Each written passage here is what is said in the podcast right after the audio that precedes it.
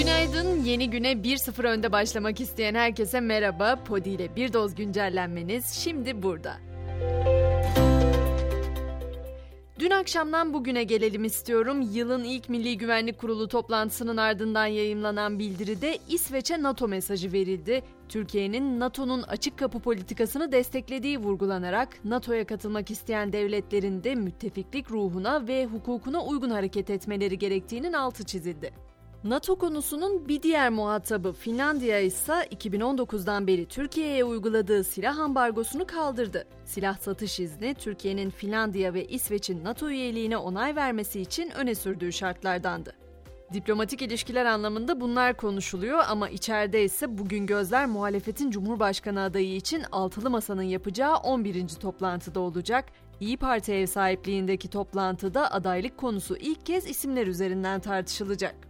Yine dün akşamdan beri gündemden düşmeyen bir haber bu. Çaldığı paralar damlaya damlaya göl olan kişiden bahsedeceğim size. İstanbul Küçükçekmece'de para transfer ve fatura ödeme bürosunda çalışan kadın bir yılda tırnakçılık yöntemiyle yaklaşık 11 milyon lira çaldı. Nasıl ortaya çıktı derseniz sürekli açık veren büronun güvenlik kameralarında detaylı inceleme yapan iş yeri sahipleri hırsızlığı ortaya çıkardı ve zanlı neticesinde tutuklandı. Bu arada bu tırnakçılık tabirini de ilk kez duyanlar olabilir. Tırnakçılıkta el çabukluğuyla paranın eksiltilmesi veya fazla paranın alınmasına deniyormuş. O bilgiyi de kısa bir not olarak vermiş olayım. Tabi böyle haberleri duyduğumuzda diyoruz ki eyvah başımıza taşlar yağacak. İşte o da gerçek oldu. En son 1 Şubat 2022'de bir göktaşı düşmesi gözlemlenmişti. Dün akşam da dünyaya yine bir göktaşının düştüğü ve o göktaşı düşüşünün de İstanbul'dan görüldüğü belirtildi. Yeşil bir ışıkla birlikte düşen taşın görüntüleri sosyal medyada gündem oldu. Malum artık iklim de mevsimler de bize öğretilen düzende ilerlemiyor. Çin'de ay takvimine göre yeni yılın kutlandığı bahar bayramında sıcaklıklar rekor düzeyde düştü. Muhi şehrinde eksi 53 derece ölçülen sıcaklık bugüne kadarki en düşük değer oldu. Grev dalgası ise İngiltere'den sonra Almanya'yı da vurdu. Almanya'da Berlin Brandenburg Havalimanı'nda çalışan yer hizmetleri personeliyle güvenlik görevlileri toplu sözleşme görüşmelerinden sonuç alınamaması üzerine sendikanın çağrısıyla bir günlük greve gitti. Tüm uçuşlar da iptal edildi. Artık grevler ülkesi diye andığımız İngiltere'dense şimdi başka bir haber anlatacağım size. Geçtiğimiz yıl izlenme rekorları kıran Squid Game'den esinlenerek çekilen yarışma programı Squid Game The Challenge'ın İngiltere'de başlayan çekimleri sırasında yarışmacılar donma tehlikesi geçirdi. 3,7 milyon sterlinlik büyük ödül için yarışan adaylar stüdyoda sıcaklığın aniden düşmesiyle baygınlık geçirdi. Yolculuğumuzun bir sonraki durağı ise Fransa olacak. Fransa dediğimde de aklımıza gelen şeylerden biri malum moda.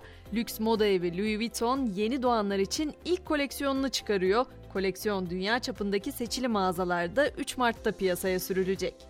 Hollanda'dansa günümüzün aşırı hızlı akan yaşantısına bir çözüm gelmiş gibi görünüyor. Ülkede yalnızlık çeken müşteriler için jet kasa yerine yavaş kasa hizmeti sunuluyor.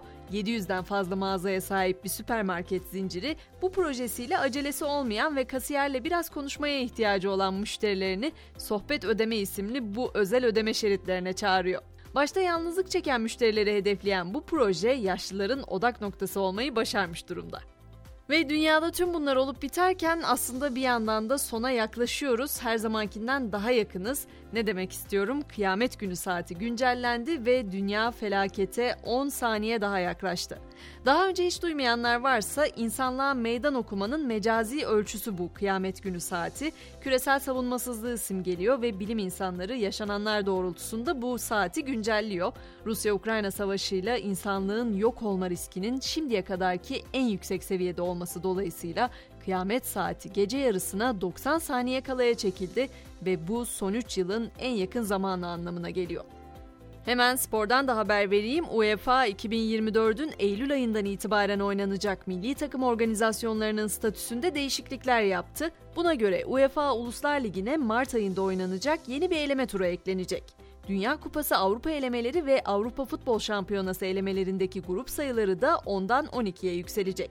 Ayrıca Rusya'nın Ukrayna'ya saldırısı öncesi Kazan'da oynanması planlanan 2023 UEFA Süper Kupası'nın da yeri değiştirildi. Maç Atina'da yapılacak. Ve eminim dinlediğinde ona iyi gelecek, bugün ihtiyacı olan motivasyonu sağlayacak birileri var sesimin ulaştığı şu anda. İşte günün mottosunu da onlar için bırakıyorum buraya.